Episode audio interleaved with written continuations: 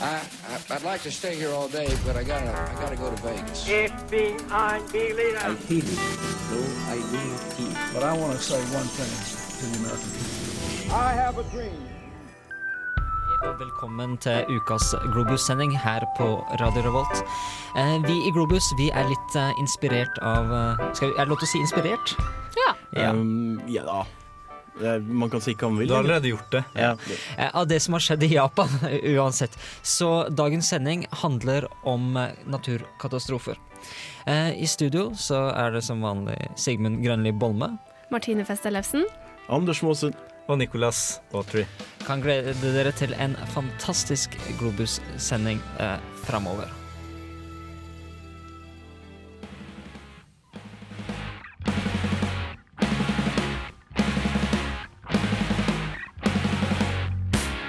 Det var Citizen Fish med låta Shelf Life her på Radio Revolt. Du hører på Globus, og her har du ukas viktigste utenriksnyheter.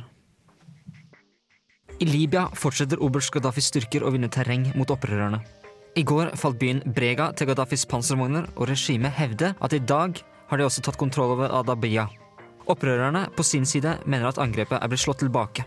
Vest i landet så har opprørsbyen Misrata kommet under kraftig artilleriangrep, ettersom Gaddafi nå forsøker å ta tilbake den aller siste byen i vest som fortsatt gjør motstand mot regimet.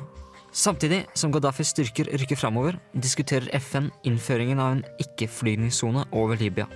Storbritannia og Frankrike har kjempet for en slik sone, og kommer til å fremme forslaget sammen med Libanon i FNs sikkerhetsråd. Samtidig så har deres allierte Tyskland og USA vært mye mer skeptiske til ideen, og de mener at en slik sone ikke vil tjene noen hensikt.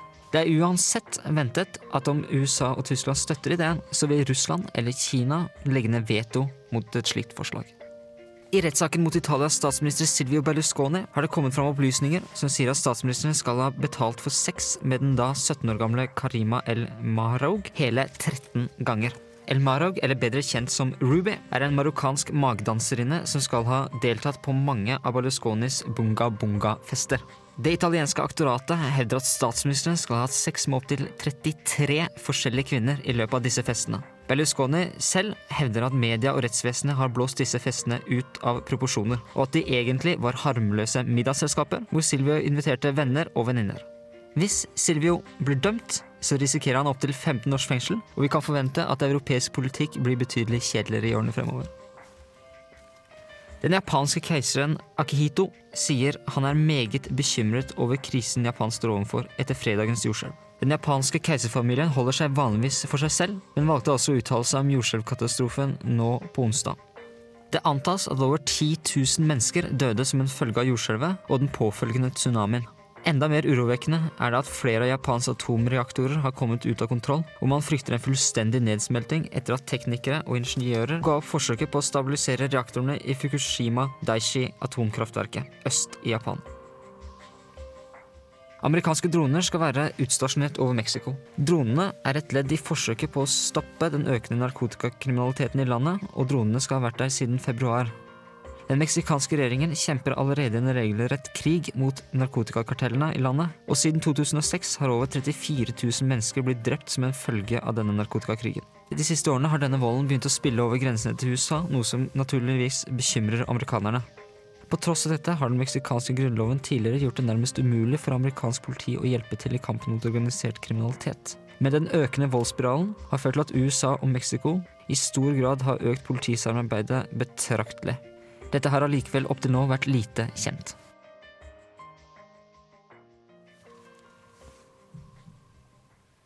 Det var ukas utenriksnyheter her eh, på Globus. Eh, Martine, hva syns du om Silvio? Du spør meg seriøst. Du vet så godt hva jeg syns om han. Han er bare en så fantastisk leder av et land, og et, eh, et prakteksempel på alt en mann burde være. Jeg syns det var så morsomt de kommentarene vi, vi fikk, her, uh, fikk her inn eh, mens, mens eh, saken uh, pågikk. Du, du har altså en, en statsminister her som gjør akkurat uh, det han har lyst til. Og det verste er at til nå så har han kommet unna med det. Ja, em, eh, Vi la oss på internett en sammenligning mellom statsminister Berlusconis virke og en, en sånn gutte-college-movie. Der, han, der man da rett og slett eh, bare hadde sånne ting som han hadde gjort. da Bare tok og vridde om sånn at det ble sånne guttecollege-ting. da Så istedenfor at altså, da, da er han i et sånt eh, sånn, eh, sånn sorority house-ting. Og så er, den, eh, er det, det, det Angry Dean er jo da selvfølgelig da, som jobber imot den. da Og hvordan han da foiler dem gang etter gang for at han er en sånn hyggelig fyr da som kan pule alle damene og stjele alle trusene. Og, ja. Det som er så genialt med det, er jo at han eier så mange avis aviser og fremstiller seg selv på, som en familiefar med barnebarna på fanget, og som bare en kjempeflott fyr, liksom. Så han jo liksom Han er jo genial. Han bare ødelegger ryktet sitt, men så bygger han det opp. For han har jo alle mediene på sin side, fordi han eier dem. Han eier det. Eh, Men det er ikke så lenge siden familiegreien hans fikk en ganske kraftig ripe når kona sa at eh, nå gidder jeg ikke mer, nå får det være nok. Når han hadde hatt sex med en 18 år gammel jente, da orka hun rett og slett eh, ikke mer. Eh, Ja. Og jeg, jeg, jeg, på en måte så kan jeg forstå. På en måte kan du forstå at det ikke var så bra for ekteskapet. Eh, Nå prater vi, vi mye om, eh, om Selvio her, men eh, når det kommer til Libya er opprøret dømt? Jeg husker Vi hadde jo professor Tore Tingvold Pettersen inne i studio for et par uker siden. Han sa at han hadde mistanke om at Gaddafi eh, muligens kom til å komme seg gjennom det her i, i levende livet. og det, det ser nesten ut som han vinner nå. Det ser jo ganske mørkt ut, på en måte. Eh, han er jo nesten framme ved Benghazi nå, påstår i hvert fall libyske medier. Og ja. Men samtidig så er det ikke Jeg har også sett eh, andre medier, bl.a. Al Jazeera, hvor det kommer også inn mer positive meldinger, da. Men det, er, det drives propaganda ikke bare fra Gaddafis side, men antakeligvis også fra opprørernes side som også eh, forteller om mer oppløftende ting, da, som at de tar tilbake byer, har fått tak i jagerfly og bomba båtene hans og diverse. Og ja. Men når blir det her en borgerkrig? Jeg tror det er det, men det er bare ingen som tør å, å si at det er det ennå, for da må vi plutselig begynne å bry oss. Kan jeg si det og bry meg? Du kan få lov til å si det. Okay, og det er deg, borgerkrig. Vi, Kan eh, offisielt erklære borgerkrigen som startet. ja, Yes. Globus, Globus har nå erklært uh, borgerkrig i Libya. Du hørte det først fra oss. Ja. Radio Revolt, første vestlige medie, erklærer borgerkrig eh, Yes. Eh, i Libya, altså. Dere hørte det her hos oss først. Eh, nå får vi The Mormons med That's It, I'm Calling The Mothership her på Radio Revolt.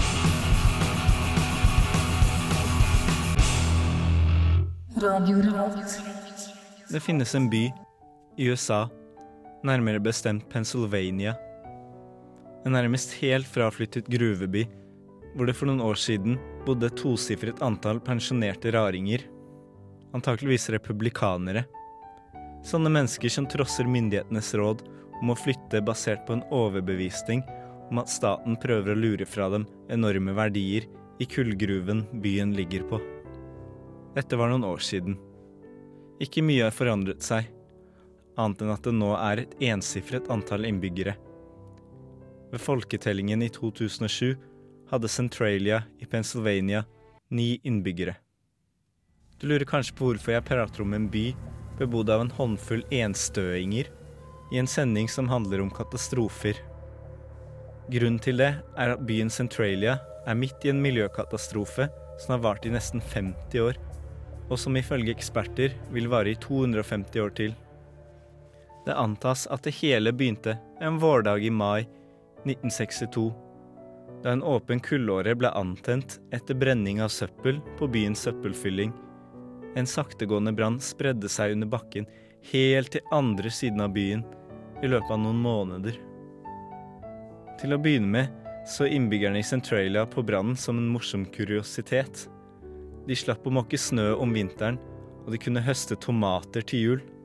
Men etter hvert begynte det å skje ting som tyder på at ikke alt var helt som det burde være i den lille byen.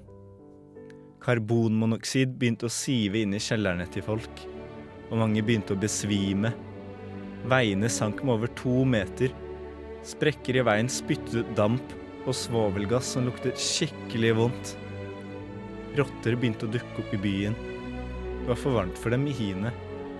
Flere fikk sykdommer som leger hevdet var pga. de farlige gassene. I 1981, mens tolv år gamle Todd Domboski lekte i hagen, lykkelig uvitende om hva som snart skulle skje, forsvant plutselig bakken under ham, Et 46 meter dypt hull åpnet seg og slukte så vidt ikke tolvåringen, som ved hjelp av et tre og fetteren sin, som het Erik Wolfgang, klarte å klamre seg fast til kanten. Utover 80-tallet flyttet de fleste av byens innbyggere. Slukningsarbeidet som hadde pågått i 20 år, ble gitt opp, og det ble besluttet at man skulle relokalisere innbyggerne framfor å forsøke å redde byen. Men noen få ble igjen, i håp om at brannen snart skulle gi seg, slik at gruvedriften kunne gjenopptas. I 2005 holdt de da tolv gjenværende innbyggerne valg. Åtte av dem stilte. De fikk 4000 dollar av staten til vedlikehold og snørydding. Over hele verden brenner slike gruvebranner og slipper ut giftige, forurensende gasser.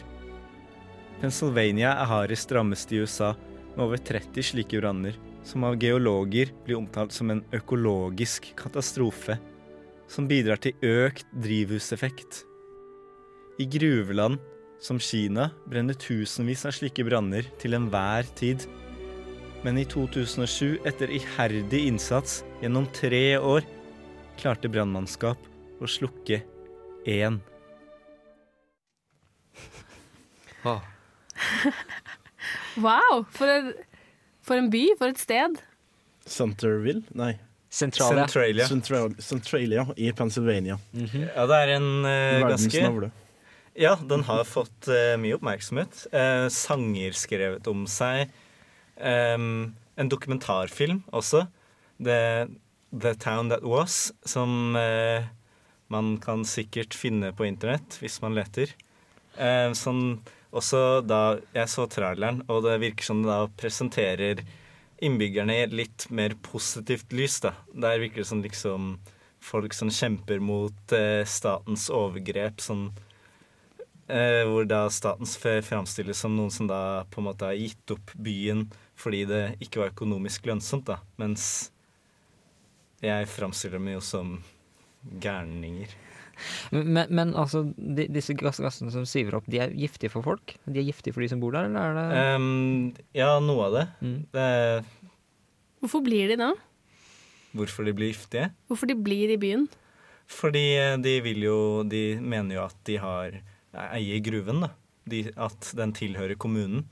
Og at de håper da eh, at eh, brannen skal nå grunnvannet, og at grunnvannet skal slukke den.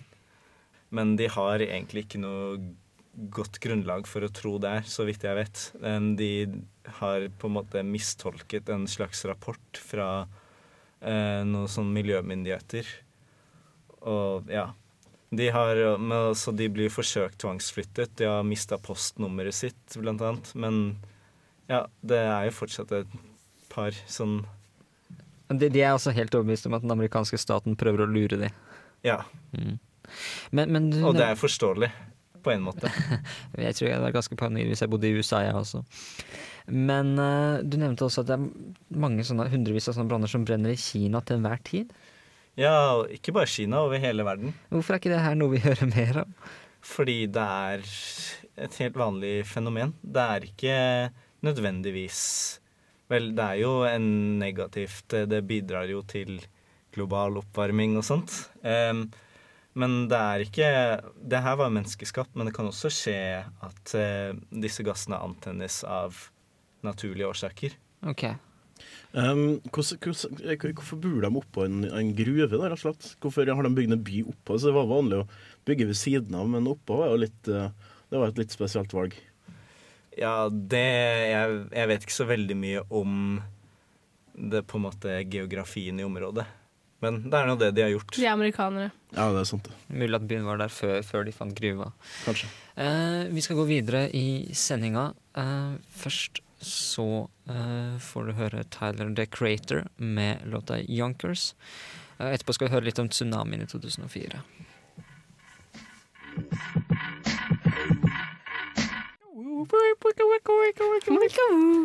Ja. Vi er, vi er ikke helt der ennå, iallfall ikke jeg. Det er mulig dere er. Mm.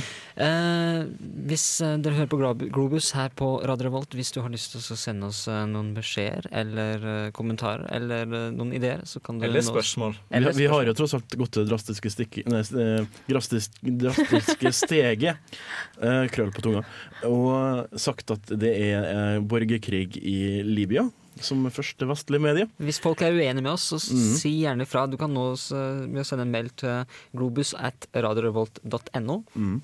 Eller en SMS med kodeord RR til 2030. Yes, eh, det er helt riktig. Eh, Anders, eh, for en stund tilbake Ja. så lagde du en liten sak om eh, den forrige store tsunamien eh, I, i Sørøst- Sørøst-Asia. Ja.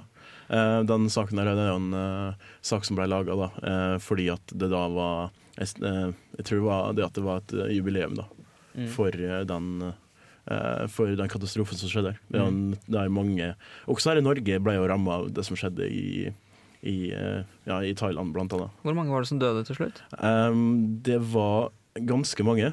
Uh, jeg tror jeg, jeg, jeg regna på at det nesten var hele Sør-Trøndelags befolkning som ble utradert i løpet av en dag eller to.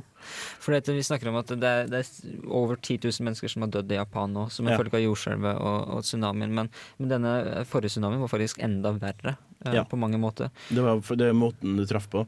For at uh, I Japan så har de jo alltid De har jo bygd vern mot det. Uh, jeg kan si at de verna ikke hjalp så mye, men jo. Hvis du ser på både det at det var et jordskjelv på ni på Richter skala som et dritsterkt jordskjelv, eh, og det er så få som har dødd i Japan som det faktisk er. Og det eneste der du har en stor alvorlig ting nå, er jo et 40 år gammelt atomkraftverk.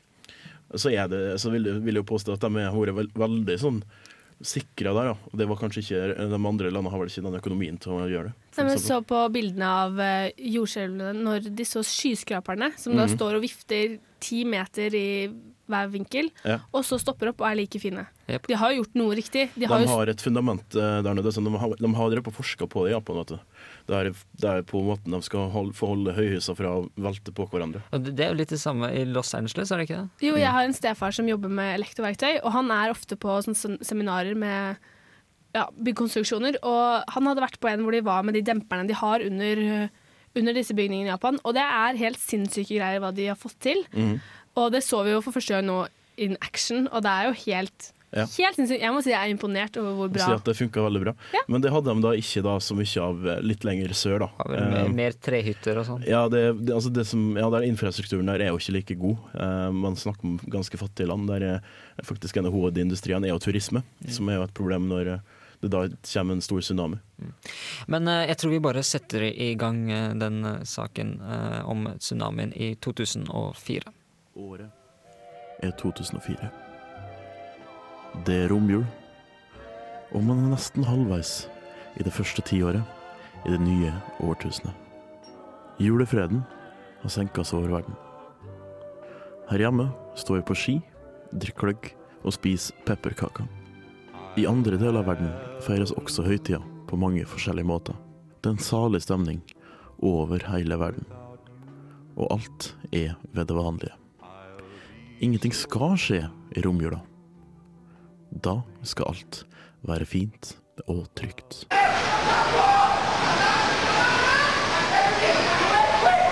Shit, shit, shit.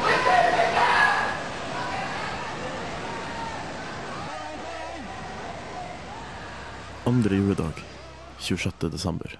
Øyenvitner i Thailand forteller om et merkelig fenomen. Plutselig forsvinner havet fra stranda. Det trekker seg langt utover i fjorden, før det, etter et par minutter, kommer i full fart tilbake igjen. Og nå stopper det ikke. Store vassmengder kommer innover landet og drar med seg alt i sin bane. Palmer, hus, biler og folk. Det var ikke bare ett, men flere undersjøiske jordskjelv som ramma utenfor Sumatra i Indonesia. Denne skjebnesvangre dagen. Det medførte store tsunamibølger som rammet øyene i Bengalbukta og kystområder oppover strendene i Indonesia, Malaysia, Thailand, India, Sri Lanka og over, bokstavelig talt, Maldivene. Det foregikk omtrent slik. Klokka to på åtte indonesisk tid så finner jordskjelvet sted. Klokka halv ni så kommer det kjempebølger, inntil ti meter høye, som begynner å treffe Sumatras vestkyst. En plass mellom ni og ti rekker bølgene fram til Thailand, det sørlige Myanmar og deler av Malaysia. Mellom ti og elleve treffer bølgene Sri Lanka. Mellom elleve og tolv blir Maldivene omtrent oversvømt.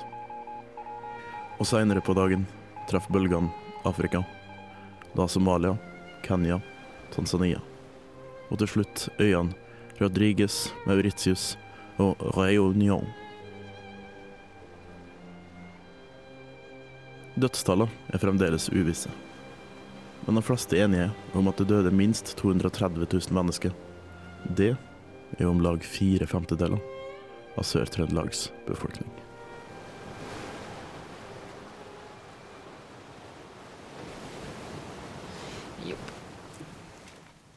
Det var eh, saken til Anders det om tsunamien i 2004, og som vi, vi prata litt om eh, her i studio akkurat nå. Eh, det virker som folk konsekvent undervurderer naturkreftene. Ja, altså man har ikke skjønn. Vi snakker om skyskraperne som da overlevde jordskjelv i Japan nå. Men det er både infrastruktur pluss det at man også kanskje håper på det beste i mange tilfeller. Man prøver å unngå å tenke over at det kan skje. Fordi at eh, altså, Du kan jo se sånn som eh, New Orleans, som dere nevnte tidligere, eh, hadde jo et voldsomt godt flom, eh, altså antiflomsystem i utgangspunktet, men de eh, ble oversvømt samme pokker. Mm. Når orkanen kom innover New Orleans, så gikk det jo gale, til tross for at de hadde store stormvern og mot flod og alt mulig. Men hva skal du gjøre i Asia når det kommer en 70 meter høy bølge mot deg? Så er det ingenting som hjelper. Det er ikke det. Det er ekstremt store krefter som er i verk når det her treffer. Og man skal bare prise seg lykkelig for at den er i live, tror jeg. Eh, og som de sier, eh, det er mange av de øyene hvor folk faktisk bor på, som er sånn to-tre, kanskje bare én meter over havet. Ja. Eh, så da, da blir du sittende igjen og være ganske sjanseløs, egentlig.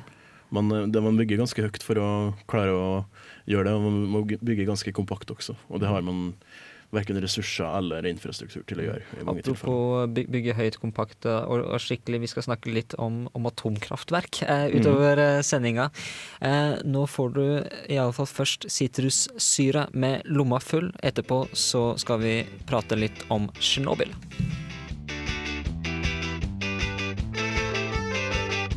Har lomma full.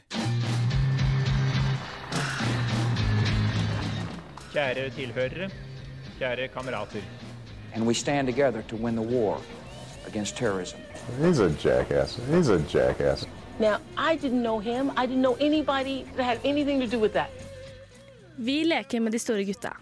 Hør på Globus hver onsdag fra klokken 16 til klokken 17. Her på Radio Revolt. Globus, Globus, Globus. Globus. Globus. Med, med de, den katastrofen som har skjedd i Japan nå, og de nedsmeltingene som du har sett i de atomreaktorer på eh, det eh, japanske kra- kjernekraftverket, så er jo altså atomkraft blitt veldig veldig aktuelt og kontroversielt igjen. Det var en liten periode hvor det nesten var blitt stuereint. Vi snakker om eh, energikrise, eh, vi snakker om eh, kraftverk som eh, slipper ut masse CO2. eh, Ikke-fornybare energikilder som er, masse, som, er både, ja, som er veldig lite miljøvennlig, f.eks., og som er dyrt å framstille og produsere.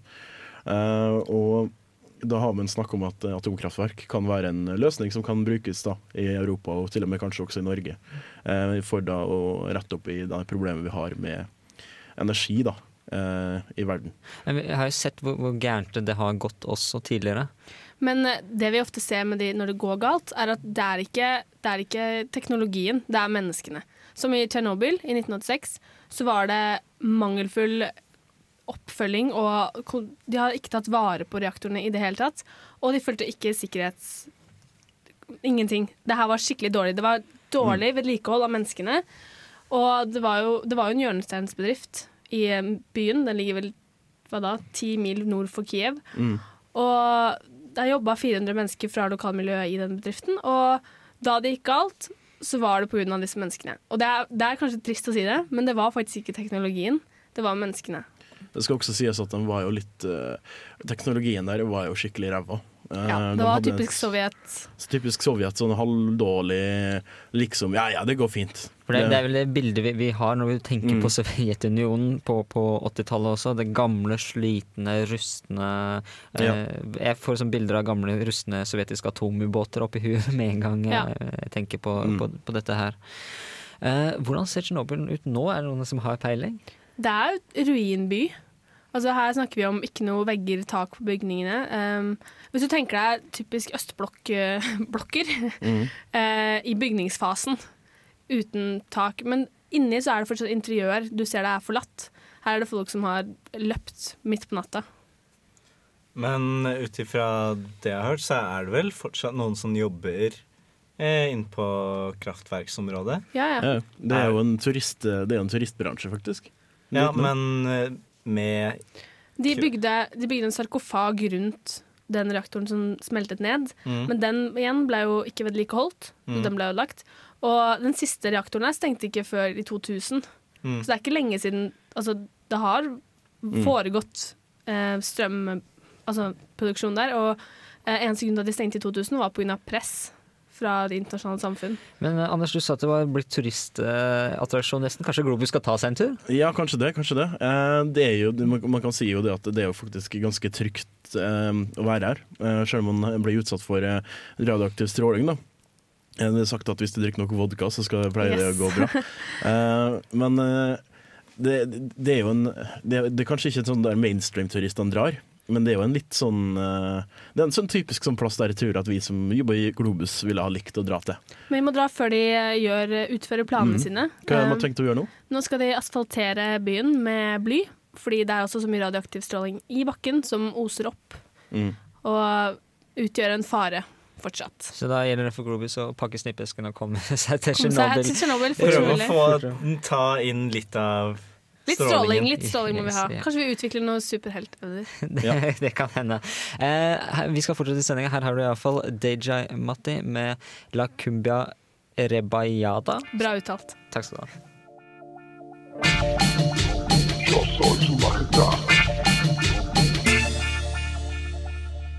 Du hører på Radio Revolt, studentradioen i Trondheim.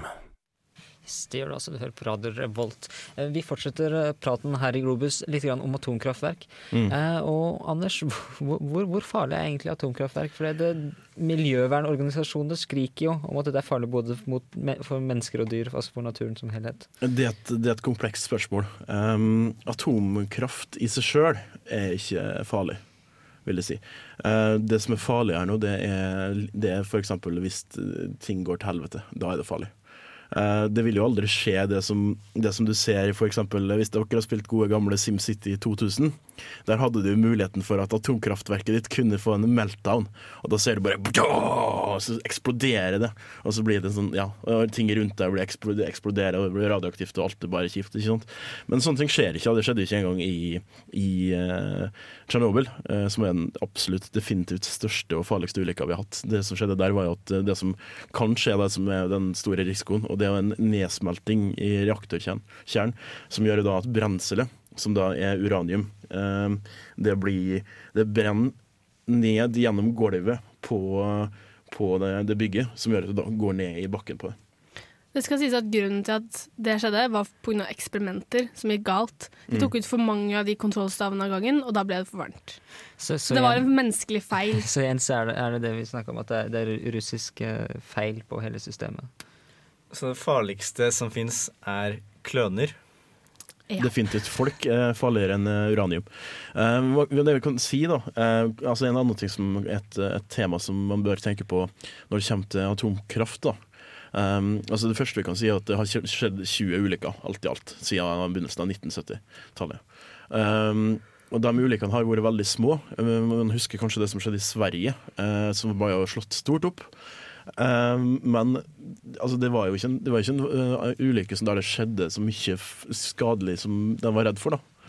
Og det samme har jeg vel gjaldt for alle. F.eks. Long Island uh, Nei, Mile Island-undersøkelser i Nei, i, det som skjedde der på 70-tallet i USA, der du da hadde en, en, en, en, en delvis nedsmelting. da Det var der verken noen i nærmiljøet eller noen av de som jobba på plassen ble skadd, men det er fremdeles en viktig ting, da. Så vi kan eh, altså slå fast at det ikke er så farlig som, som mange vil ha oss til å tro. Eh, nå får du Siriusmo med 'Ideology'.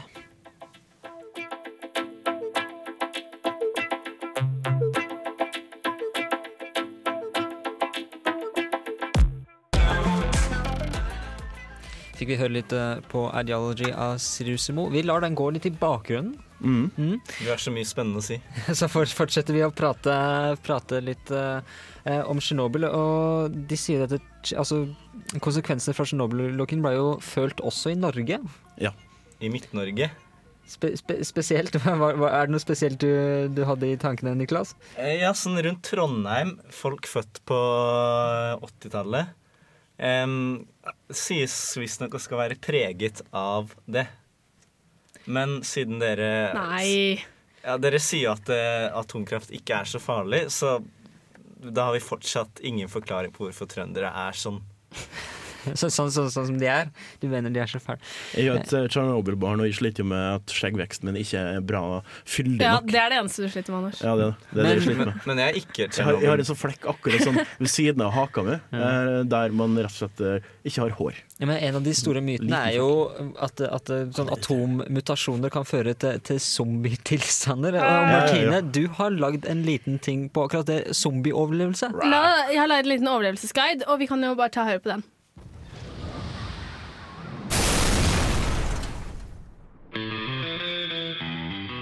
Globus presenterer 'Hvordan overleve en zombieapokalypse'. Siden vi denne uken skal ha om katastrofer i Globus, har jeg blitt inspirert til å hjelpe dere lyttere gjennom noe vi alle må oppleve i et eller annet stadie i livet. En zombieapokalypse. For å best komme ut av en zombieapokalypse må du kjenne de fem viktigste stegene. Steg 1. Kjenn din zombie. Det finnes tre typer zombier. Den naturlige, den supernaturlige og alien-zombien. Den naturlige zombien er lettest å overvinne. Her snakker vi bare om et menneske som har blitt dopet ned til å følge ordre. Denne zombien har ingen evner og er ikke spesielt aggressiv.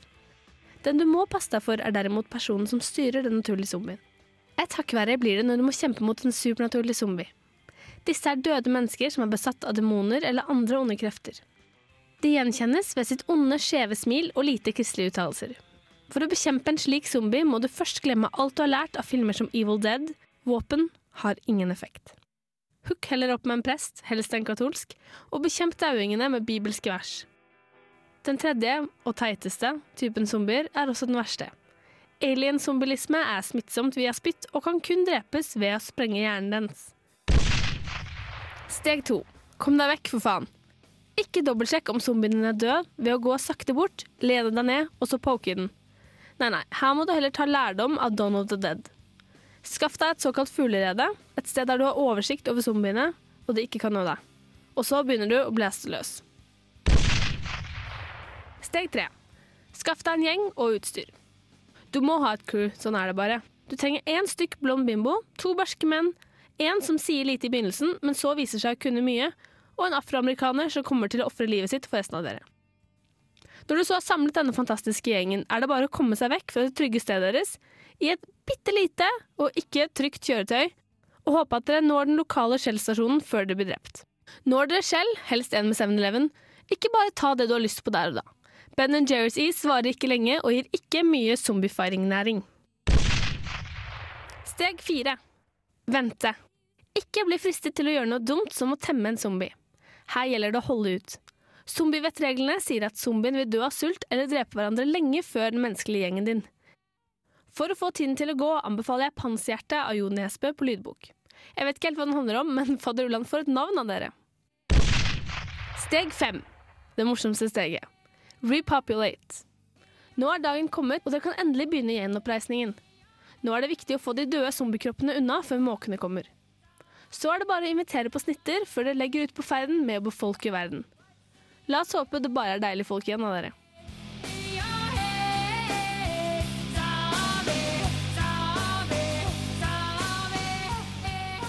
Eh, Martine, er det mulig å hoppe rett til repopulate-steget, eller, eller må man gjennom hele zombieapokalypsen først? hvis du føler du må skape en zombieapokalypse for å nå det steget, så vær så god. Men eh, jeg tror du bare kan hoppe rett til det. Så det spørs litt om hvordan du ser ut, hvem du er og sånt. Det er mye lettere når zombien har utryddet alle bortsett fra deg og et par til. Men, men, men igjen, det, du, du sa én blond bimbo. Det var bare én, én jente i crewet, eller skal det være flere? Uh, den personen som eh, er litt mystisk i begynnelsen, men viser seg å være veldig smart, kan jo være en jente. Afroamerikaner nå? Kan være jente, men uh, Nei. Nei, selvfølgelig ikke. Nei, nei, nei, jo, jo. Hvis hun har sex med noen i crewet, så kan hun være det. For at det er jo en annen ting man vet også, da. At de som har sex i grøssere, eksempel, de dør. Ja, stemmer. Og siden zombiefilmer er en slags grøsser, så vil folk som har sex, dø. Ikke ha sex, ikke gå ned i kjelleren. Nei. Ikke gå ned i kjelleren? Du vet jo, Alle de som går ned i kjelleren, de blir jo drept. Ja, altså bør dere, bør dere aldri si 'vi bør splitte opp', og så si 'ja, det var en god idé'. Og i tillegg så har Anders et veldig fint tips for å finne ut hvordan noen har blitt zombie. Mm. Eh, hva er det igjen? Um, man har, du bare satte ut handa foran fjeset deres, og hvis de da spiser den, så er er det de sånn. zombie. Da kan du være helt sikker. Men jeg skjønner ikke den store frykten for zombier. Men de, for meg så ser zombier ut som de er veldig slappe og sla De går sakte og øh, Akkurat som vugger litt. fjortiser, liksom. Ja. Ja. Og det er jo Man kan jo bare gå rundt dem. Hvorfor skal man Men det er Ja, så mange men- av de, vet du, Niklas. Ja, så finnes det jo tre typer. da Den ene er liksom den vanlige menneskelige typen som har blitt dopa ned. Men de som er besatt av onde demoner og er kjempe, kjempeslemme og har superkrefter, de er jo ikke sløve. De er jo onde superhelter som skal spise deg. Eh, Kan de få lov til å kjøre litt reklame? Ja. Eh, Det er en app på, på Android-telefoner eh, som heter for Zombie Run. Der du kan rett og slett bruke Google Maps. Uh, Finne tak i f.eks. Trondheim. da Og så sier du at du, OK, den finner på GPS-en. Så sier dere i dag så skal jeg inn til byen jeg skal gå og handle. Så kan du trykke da på Midtbyen, og på knappen, altså på den stedet der du skal. Og så vil den da, eh, vil den da sette opp en haug med imaginære zombier da på veien. Som du skal komme deg unna. Ja, og da har, du for, da har du faktisk tre nivåer. Du har sånn Dawn of the Dead-zombier som springer litt fortere. Altså, du, har- du har en som bare går i to miles per hour, kan det, og fem miles per hour og ni miles per hour. Og ni miles per hour, du har ikke en sjanse i verden hvis det er nok zombier. Det er vanskelig. Da må du bare prøve å unngå Du dem. har sykt litt å gjøre, Anders. Du har masse å gjøre. Er Løper rundt på på. søndager og Ja, en fin måte å trene på. Og Kan jeg få høre skriket ditt igjen? Nei. Men det gjelder altså å forberede seg godt. Og, og akkurat sånn, jeg har lyst til å dele med dere Jeg er overbevist om at samfunnet, altså studentersamfunnet i Trondheim, har forberedt seg meget godt på zombie-apokalypse. Bare se på ARK. Jeg er fullstendig overbevist om at det er zombieskvaden til studentersamfunnet. Den dagen studentersamfunnet er beleira av zombier, så kommer ARK med katanaer, økser og sitter på kortbølgesenderne og ber om hjelp fra Ja, hele ja, ja. verden. Du vet hvor det skal gå an hvis det blir en zombiebølge. Mm. Da er det om å gjøre å flytte seg høyest opp i samfunnet og så skyte ut fra vinduet. Og så passe på at ikke sprinkleranlegget går av, for da smelter hele dritten. Ja, og ikke ha sex. Men tåler zombier vann? Jeg tror de tåler vann. De, de, Det er, de ikke, er hallo, det er ikke science, det er ikke en Shyamalan-film. Det her zombier, de, de er som mennesker, bare bedre. Nei, dårligere. Nei, de er jo mye bedre. De er sultne og så er de dumme. Jeg Det er jo det vi er. Jeg føler de er litt Ja, sånn ok. De- de er forbruksvare. sånn som vanlige folk, er bare at de er kannibaler. Ja. Ja. Men, men skal, zombier, er de kannibaler fullstendig, eller er det stort sett bare hjernemasse de er ute etter? Hvis de er infected zombies, da går det vel mer på at uh, du, du skal egentlig bare bite folk, sånn at de også blir infekta. Mm. Mens hvis du da er en eh, sånn sulten zombie, så er det bare brains som er tingen. Jeg føler at det her bare er det som mangler for at Japan bare skal få det enda verre. Ja, ja, ja, det er Zombie var zombie og Godzilla og Ja, Godzilla og zombiene mine, da Stakkars Japan, i hvert fall. Uansett, Globus i dag begynner å nærme seg slutten. Vi er jo helt, helt på tampen. I studio så har du hørt Sigmund Grønli Bolme. Nicolas Sautry. Anders Maasen. Og Martine Feste Løfsen. Hør på oss neste gang. Ha det! Ha det.